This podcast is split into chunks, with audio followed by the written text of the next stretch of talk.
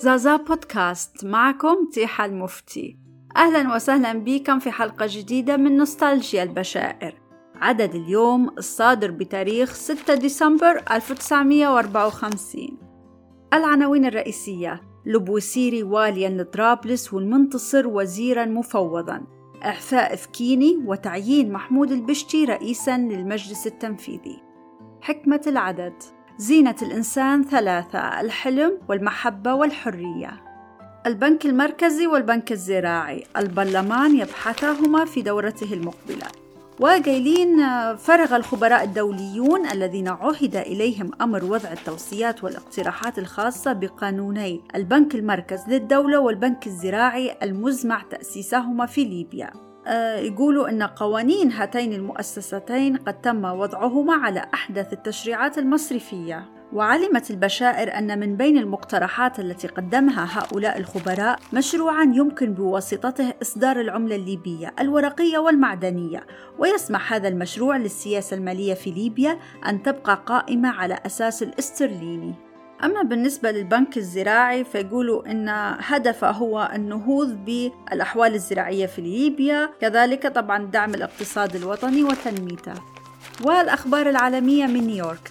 بأغلبية 47 صوتا وامتناع 10 عن التصويت وافقت الجمعية العمومية لهيئة الأمم المتحدة على طبع الرسائل والمستندات الصادرة من الهيئة والواردة إليها باللغة العربية. ويقدر المطلعون تكاليف هذه الرسائل والمستندات ب 73 ألف دولار سنوياً. من جدة أعلن هنا أنه تم اكتشاف بئر غزيرة بالبترول في الكويت بالمنطقة المحايدة وذكر أن الأرباح التي ستعود من وراء استغلال هذه البئر الجديدة سوف تتقاسمها الحكومتان السعودية والكويتية نظرا لأنهما يملكان المنطقة معا.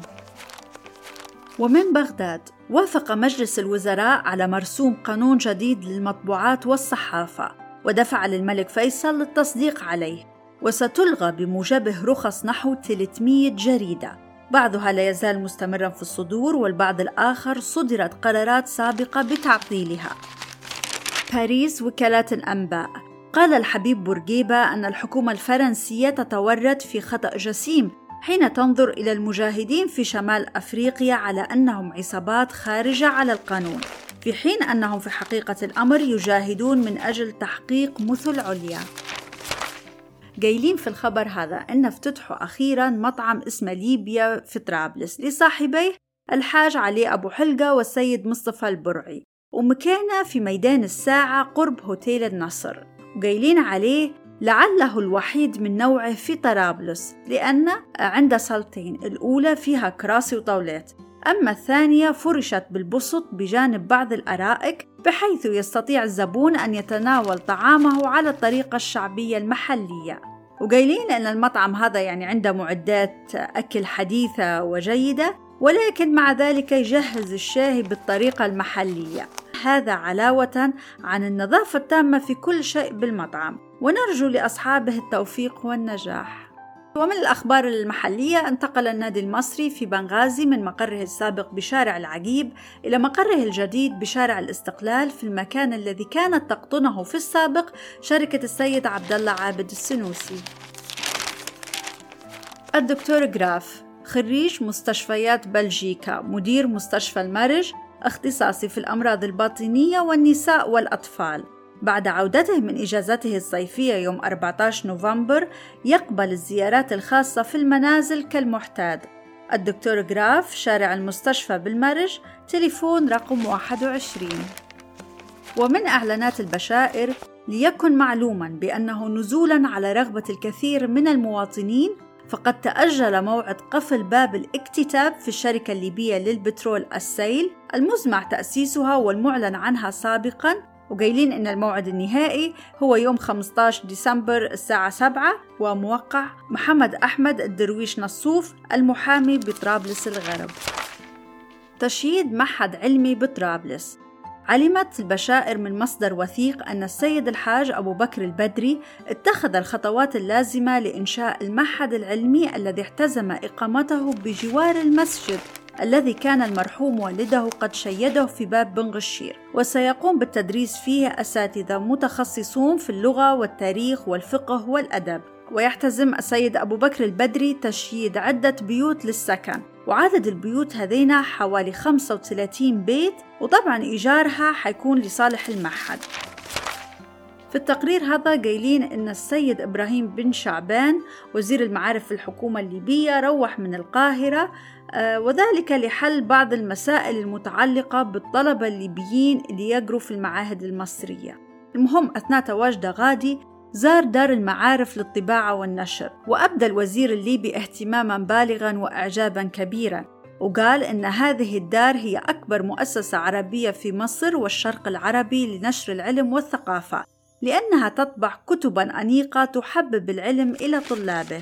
والوزير آه، يقول إنه هو يدعم تدفق أكبر كمية من الكتب التي تنتجها مؤسسة دار المعارف حتى يتسع ميدان الفكر في بلاده.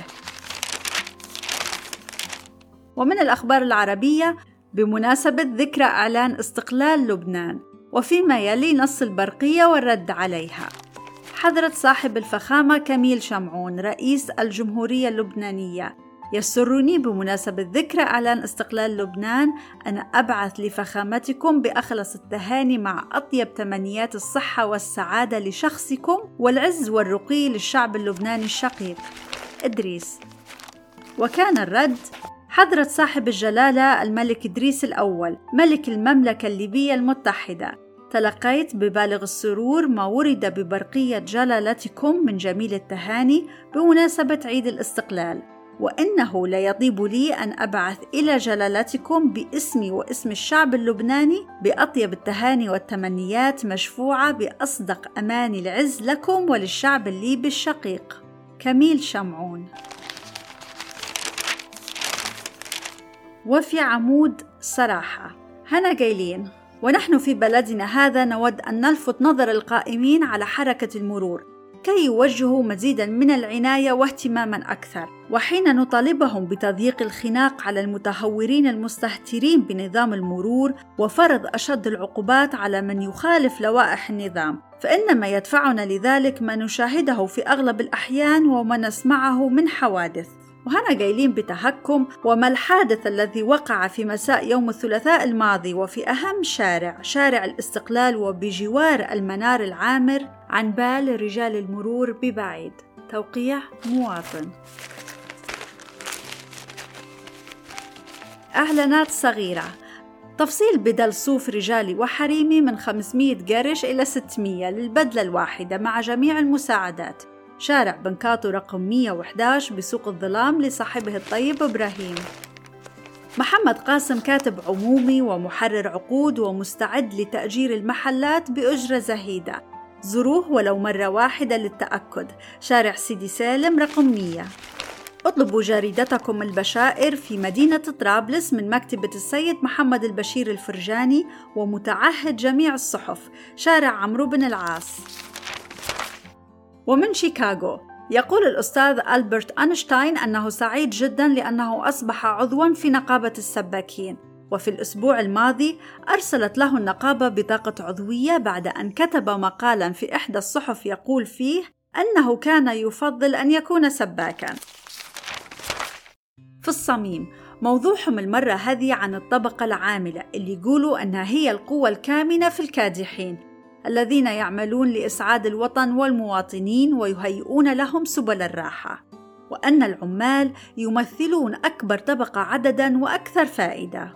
فلا عجب إذا من أن نسمع أن حكومة الولاية قد أصدرت قرارا بزيادة أجور العمال إلى 20 قرش كحد أدنى. وهذه الزيادة تعد خطوة أولى لتحسين حالة العمال ولرفع مستواهم. ونأمل أن نرى قانونا يحميهم من البطالة. وقايلين في نهاية المقال أن العامل هو الشخص الوحيد الذي يقاس على حالته مقدار ما وصل إليه وطنه من تقدم وهو الصورة الواضحة المعالم لمستوى الشعب الذي ينتمي إليه. إننا إذا نحمد للحكومة هذه الخطوة برفع الحد الأدنى لأجور العمال ونطمع في مزيد من الخير لهذه الطبقة الكادحة. أعزائي شكرا لاستماعكم. وتابعوا صفحتنا على الفيسبوك زازا للثقافة والتنمية. إلى اللقاء.